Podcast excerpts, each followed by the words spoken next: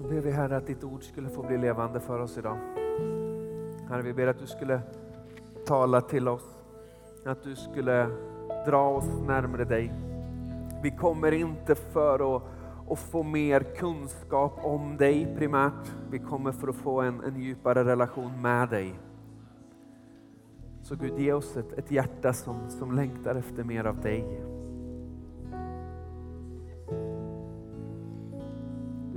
Underbar. Du är underbar. Amen. Varsågoda och sitt. Varsågoda och sitt. Än en gång, varmt välkomna till eh, Citykyrkan den här söndag förmiddagen. Eh, speciellt varmt välkommen till dig som är, som är gäst här, till dig som är på besök eh, över dagen eller helgen bara, eller till dig som är på jakt efter en ny församling och kalla för hem och familj. Visst är det kul att ha Julie tillbaka?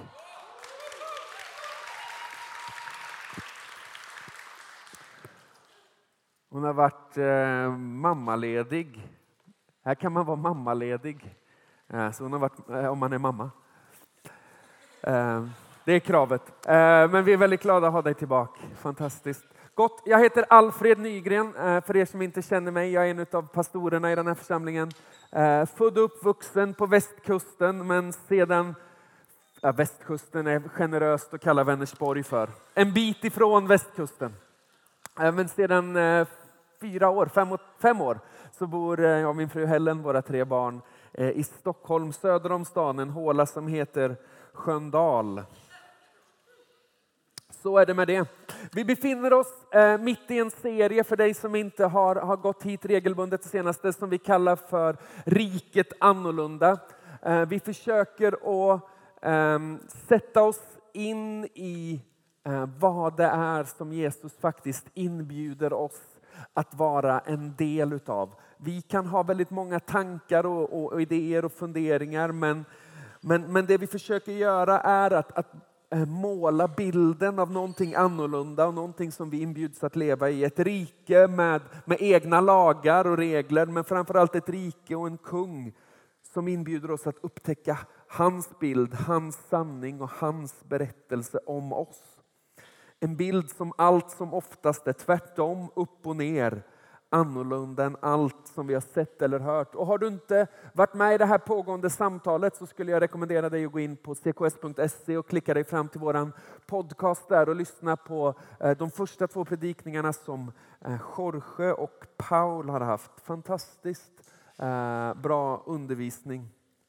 Idag så ska vi försöka måla en facett av, den skulle jag kanske inte haft med ett bibelord där, eh, en facett av det eh, som vi kallar att, att växa i relationer eller hur vi växer i relationer.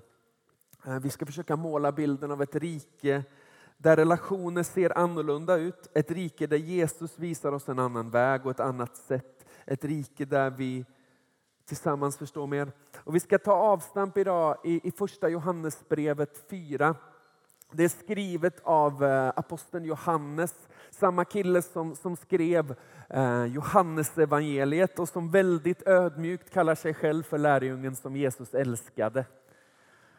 Jag gillar det. Hela Johannesevangeliet är, är hysteriskt kul. Johannes berättar hur snabb han är. Han som kom före till graven och han som var lite snabbare än de andra. Han liksom på något sätt på något sätt visar att det här går inte av för hacker. Jag är ingen dålig kille, men framförallt så tror jag det gömmer sig en, en djup, djup liksom, hemlighet och insikt i Johannes liv. Han har förstått att han är älskad av Gud.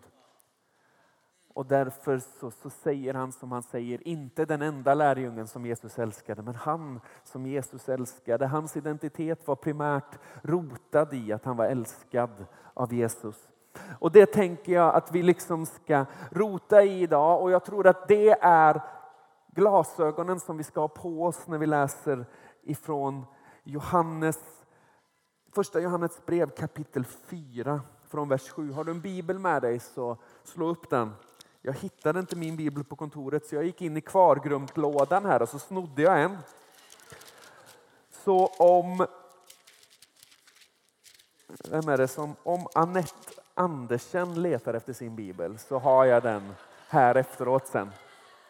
Jag har inte antecknat något men jag har satt en post-it-lapp i för att jag ska hitta. Den kan man få som en liten souvenir. Sara, hjälper du mig att klicka i början här? Så står det så här. Mina älskade, låt oss älska varandra. För kärleken är av Gud. Och var och en som älskar är född av Gud och känner Gud.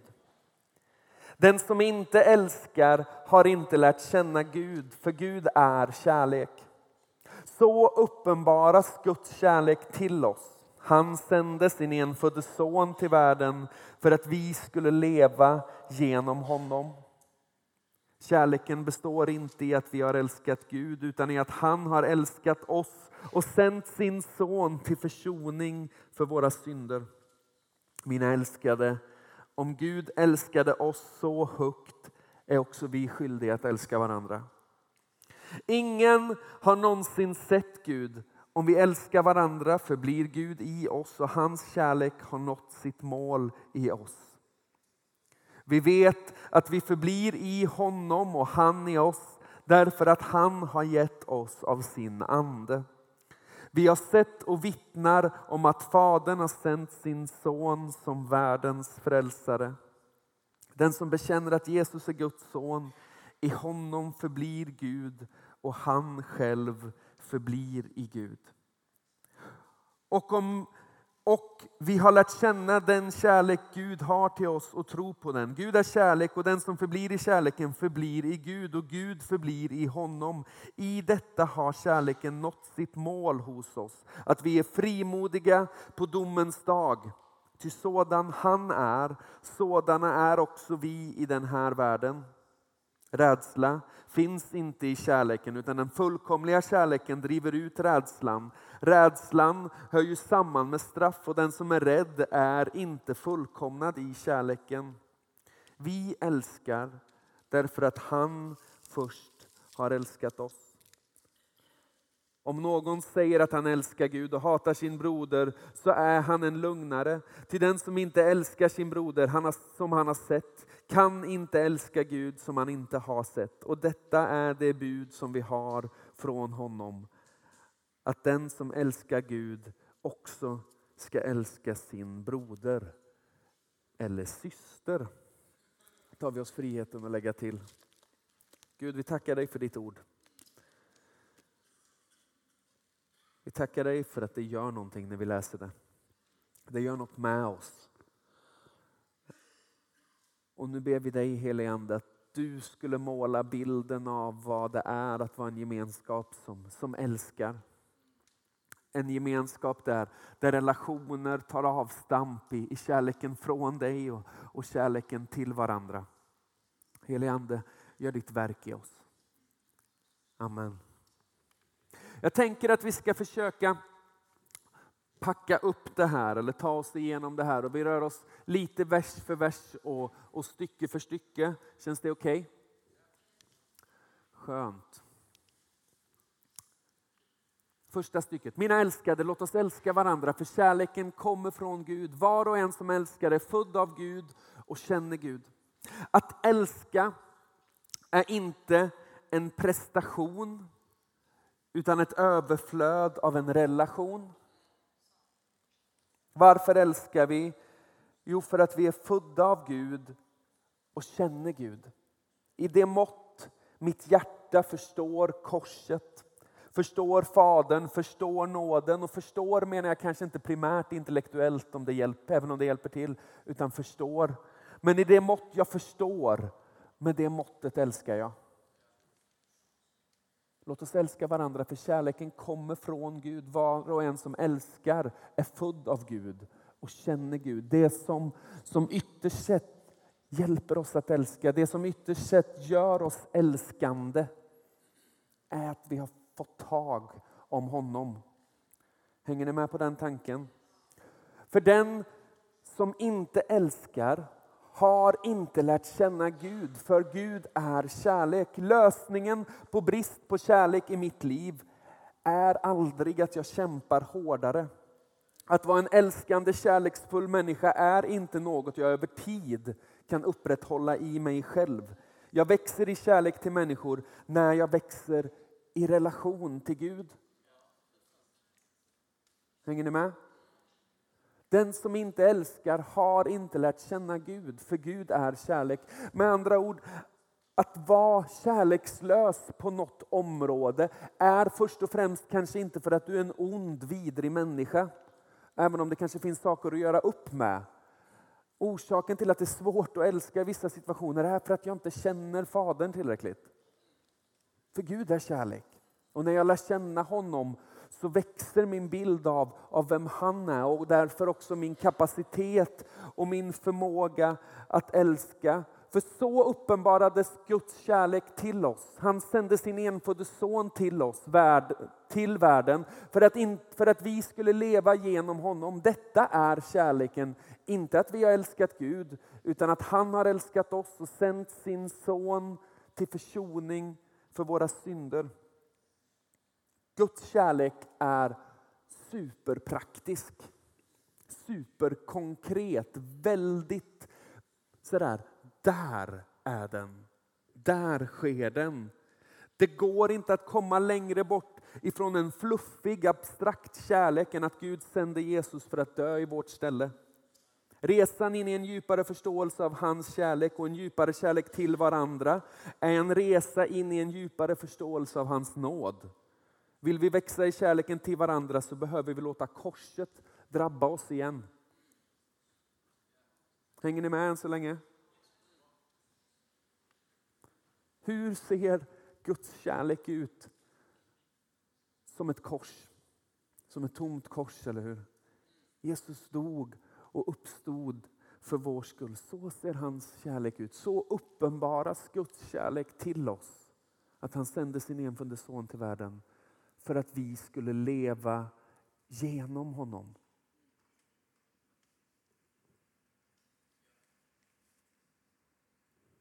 Så fortsätter han och så säger han, mina älskade, om Gud har älskat oss så högt är också vi skyldiga att älska varandra. Skyldiga är ett besvärligt ord, eller hur?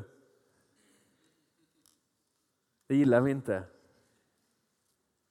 Att vara skyldiga känns aldrig speciellt kul. Eller? Vi köpte, köpte bil för ett tag sedan. Vår andra bil började bli sådär tråkigt dyr varje månad. Att ha bil överhuvudtaget är ju en värdelös idé ekonomiskt, men det är praktiskt ibland.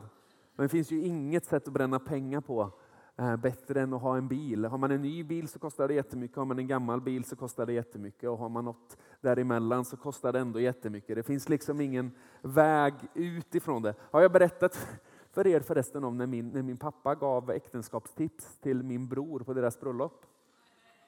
Vill ni, ni kan få den på köpet.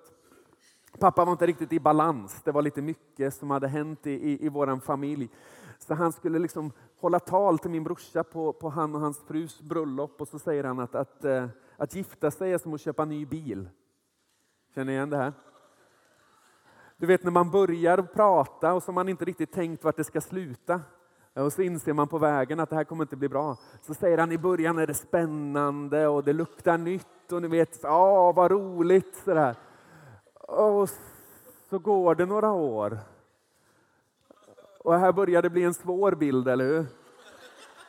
Och så sitter man där med liksom en, ja, en halvny bil och en halvgammal bil och du vet, man känner hur gropen blir djupare och djupare och så ska han rädda det här och så säger han, men om man spelar sina kort rätt så, så har man en riktigt fin veteranbil.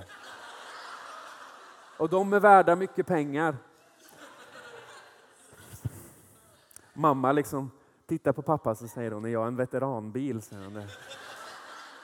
Så, hade inte jättemycket med det att göra, men det är en inblick i min hjärna. Det är en livlig plats ska ni veta. Mina älskade, om Gud har älskat oss så högt är också vi skyldiga att älska varandra. Skyldig att älska varandra är inte en skyldighet baserad på prestation, på att jag kämpar lite hårdare för att hitta något litet i var och en av er som jag kan lära mig uppskatta. Det är inte en krampaktig, konstgjord kärlek där vi, där vi med ett stelt leende ska säga jag älskar dig. till alla vi möter för att vara en god kristen. Skyldigheten blir självklar i samma stund som jag inser att personen bredvid mig är högt älskad av Gud. Så högt älskad av Gud att han gav sin son för, att, för hans eller hennes skull. Jag älskar dig inte för att du är fantastisk. Jag älskar dig för att Jesus tycker du är så fantastisk att han är beredd att dö för dig. Det är en ganska stor skillnad, eller hur? Om jag ska leta upp det, jag kan ju säkert hitta något jättefint i var och en av er, men det blir ett fasligt letande och ett väldigt intervjuande. Med en del går det fort och med andra så blir det liksom en längre serie av, av koppar kaffe som ska drickas. Det där trodde jag vi var förbi. Jesus. Maranata. Herre kom snart för er som inte... Ja. Herre kom. Uh, jag vet vad som är fel, jag ska fixa det till nästa vecka. Uh, men jag behöver inte leta och jag behöver inte ens lära känna er. För min anledning till att jag är skyldig att älska dig är för att Jesus älskar dig. Och om han tycker att du är vettig att dö för så finns det i det anledning för mig att på något sätt bara konstatera att det här är min bror. Det här är min syster, det här är någon som jag är kallad att älska oavsett vad de presterar, oavsett vad de kan ge mig, oavsett vad de tillför till gemenskapen. Du definieras inte av vad du gör utan av vem han är och vad han har gjort för dig.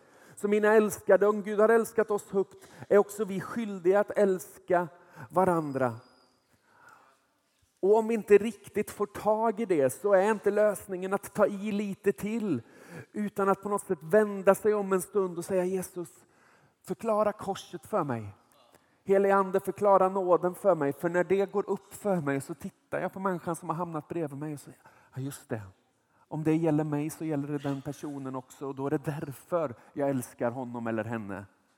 Och då blir det lättare. En del människor blir mycket enklare att älska om man tänker så. Eller hur? En del är ju svåra att älska.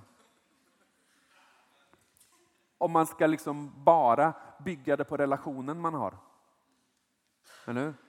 Det är bara jag som har, är svartvit i mitt sinne. Amen.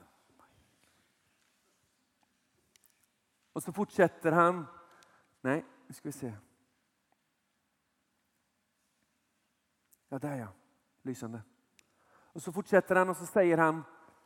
Ingen har någonsin sett Gud.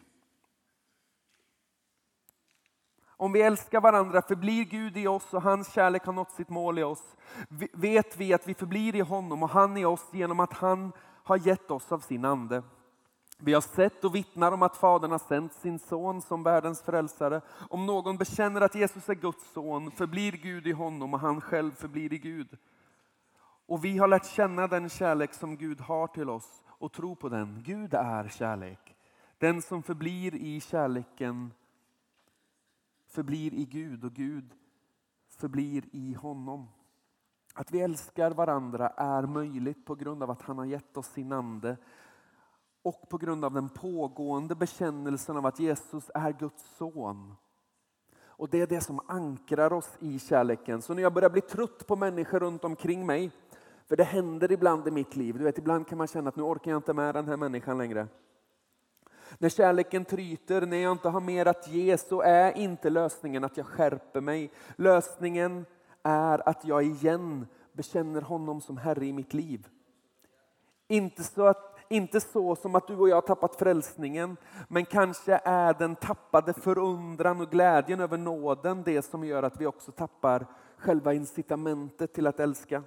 Om kärleken definieras som att Gud älskar oss och sänder sin son för att försona våra synder, så blir återvändandet till den enkla förundran också platsen där vår kärlek till honom och till varandra förnyas. Vill vi vara en församling som växer i kärlek, som växer i relationer, så gör vi det bäst genom att växa i vår kärlek till Jesus. När den ökar så ökar förundran över vem han är och vad han har gjort. Och när förundran över vem han är och vad han har gjort på något sätt drabbar mig och så tittar jag på människan bredvid mig och så tänker jag, gjorde du det för honom med? Det är ju nåd. Eller hur? Ni kan tänka så om mig om ni vill. Är han frälst? Då är Gud god. Eller hur? Citykyrkan, tänker jag vänner, är bara möjlig i den utsträckning vi är förälskade i Jesus. Det här är inte en homogen gemenskap. Vi samlas inte för att vi kör bilar som kostar ungefär lika mycket och alla bor i ungefär samma område och jobbar med ungefär samma sak. Jag är uppvuxen i ett litet ställe där, där hälften av befolkningen jobbade på Saab. Den andra hälften jobbade på Volvo och den tredje hälften jobbade på kommunen. Liksom. Det var de tre hälftarna som fanns. Och då är folk ganska lika. Eller hur? Det är inte så stor skillnad, det spretar inte så mycket och det är liksom fyra kilometer ifrån eh, Karten ner till Nordkroken. Det är liksom spannet som vi rör oss i. I den församlingen där jag växte upp fanns det två släkter och de släkterna var släkt med varann. Vi är liksom tvungna att älska varandra, eller hur? Men den här gemenskapen kan bara hålla samman om vi älskar Jesus. Och den kan bara växa till i det mått som vår kärlek till Jesus ökar. Hänger ni med mig? Det är inte riktigt om det är någon. Jag har lite kompisar från Vargen som lyssnar på det här. Jag tycker fortfarande om Vargen. Förlåt mig. Amen. Så har kärleken nått sitt mål hos oss. Att vi har frimodighet på domens dag. För sådan han är, sådana är också vi i den här världen. Det finns ingen rädsla i kärleken. Utan den fullkomliga kärleken driver ut rädslan. För rädsla hör samman med straff. Den som är rädd är inte fullkomnad i kärleken. Kärleken, korset, nåden har ett tydligt mål, frimodighet på domens dag. När vi landar i insikten om kärleken från Gud så börjar den fördriva rädslan ur våra liv.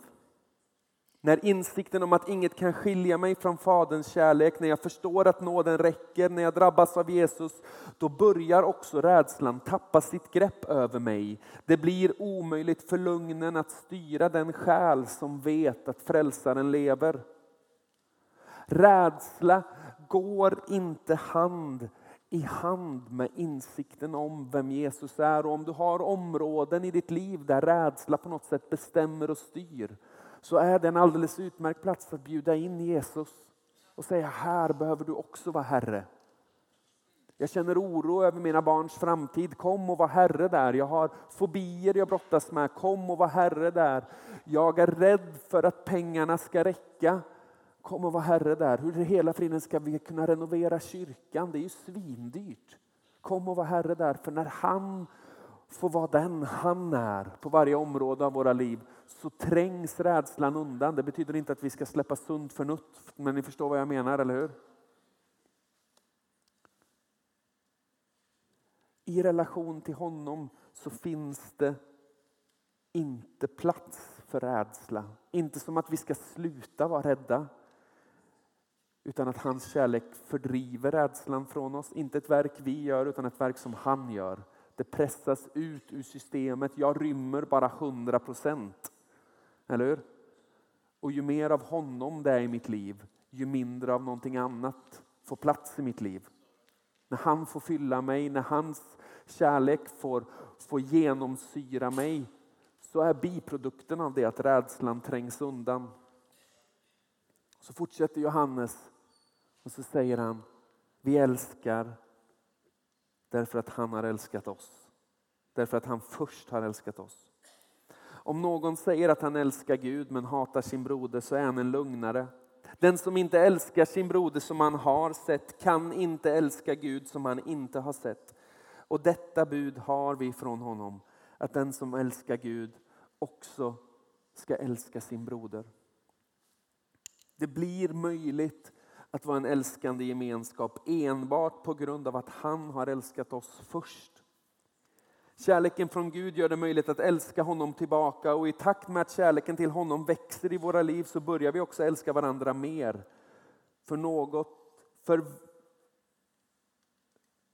Nu vet jag inte vad jag har skrivit. Det gör något med hur vi ser på människor som sitter bredvid varandra. Jag har en del fraser som jag återvänder till i mitt liv och de drabbar oftast mina barn. Om ni inte är snälla får ni inget lördagsgodis. Eller hur? Eller ibland sån här orimlig logik. Igår ville de ha lördagsgodis jag orkade inte gå till affären så jag sa ni fick tårta i morse. Och de köpte liksom inte resonemanget riktigt. Man försöker förklara som en daglig mängd socker som är rimlig att inta och sådär. Men de, de fick inte ihop det. Och ibland så säger jag till och med om ni är snälla mot varandra nu en stund så ska ni få någonting sen. Ni vet så. Jag villkorar på något sätt eh, belöningen. Jag säger om ni gör så här så ska ni få det här sen. Men i riket annorlunda så blir vi en kärleksfull gemenskap på grund av att Gud älskar oss. Rädslan fördrivs mellan oss när vi inser att livet inte är en tävling om uppmärksamhet och bekräftelse. Hans kärlek räcker, den tar aldrig slut. När jag säger att ni får, får godis om ni är snälla mot varandra så på något sätt försöker jag skapa en yttre motivator för att de ska tycka om varandra. Eller hur?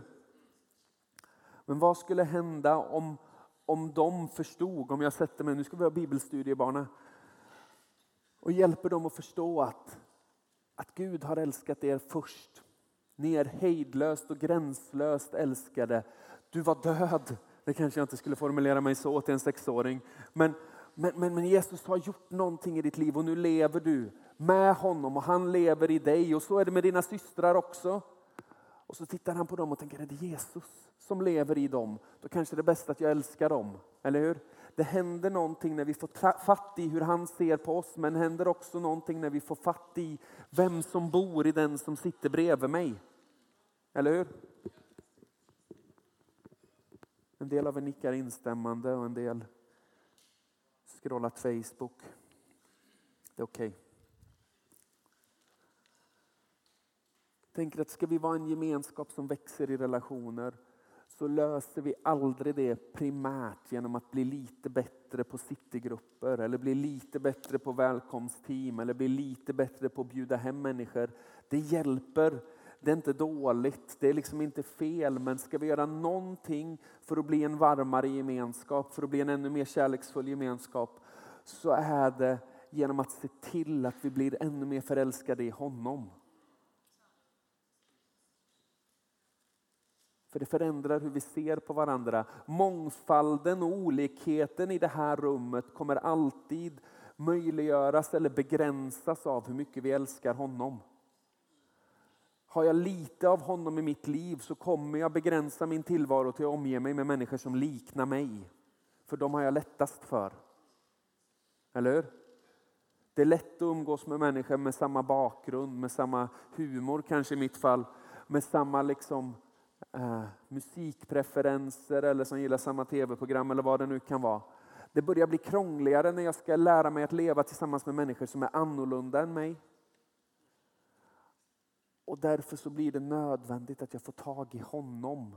Att han får älska mig först, att han får driva rädslan ur mitt system så att jag inte är rädd för det som är annorlunda, så att jag förmår att närma mig den som inte är som mig, så att jag kan vara i gemenskap med människor som är helt annorlunda än mig, så att vi ytterst sett kan bli en gemenskap som på något sätt speglar den stad som vi är kallade att nå. Hänger ni med? Något åt det hållet va?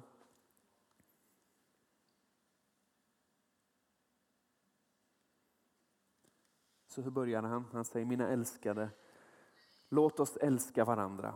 För kärleken kommer från Gud.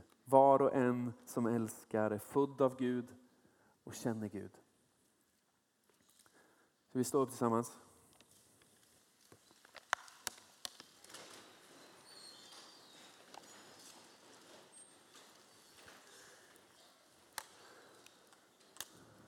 Och så ber vi bara en, en enkel bön innan vi lämnar över. Om det känns bekvämt för dig så, så lägg handen på ditt hjärta. Och så ber vi Jesus, lär mig att älska dig mer. Lär mig att älska dig mer. Ge mig ett hjärta som, som aldrig slutar hungra efter mer av dig. Ge mig ett hjärta som aldrig slutar sträcka sig efter mer av dig. Ge mig ett hjärta som aldrig låter dig eller hindrar dig från att gå djupare i mig och komma närmre liksom det som är kärnan av mig. Fördriv rädslan ur mitt system.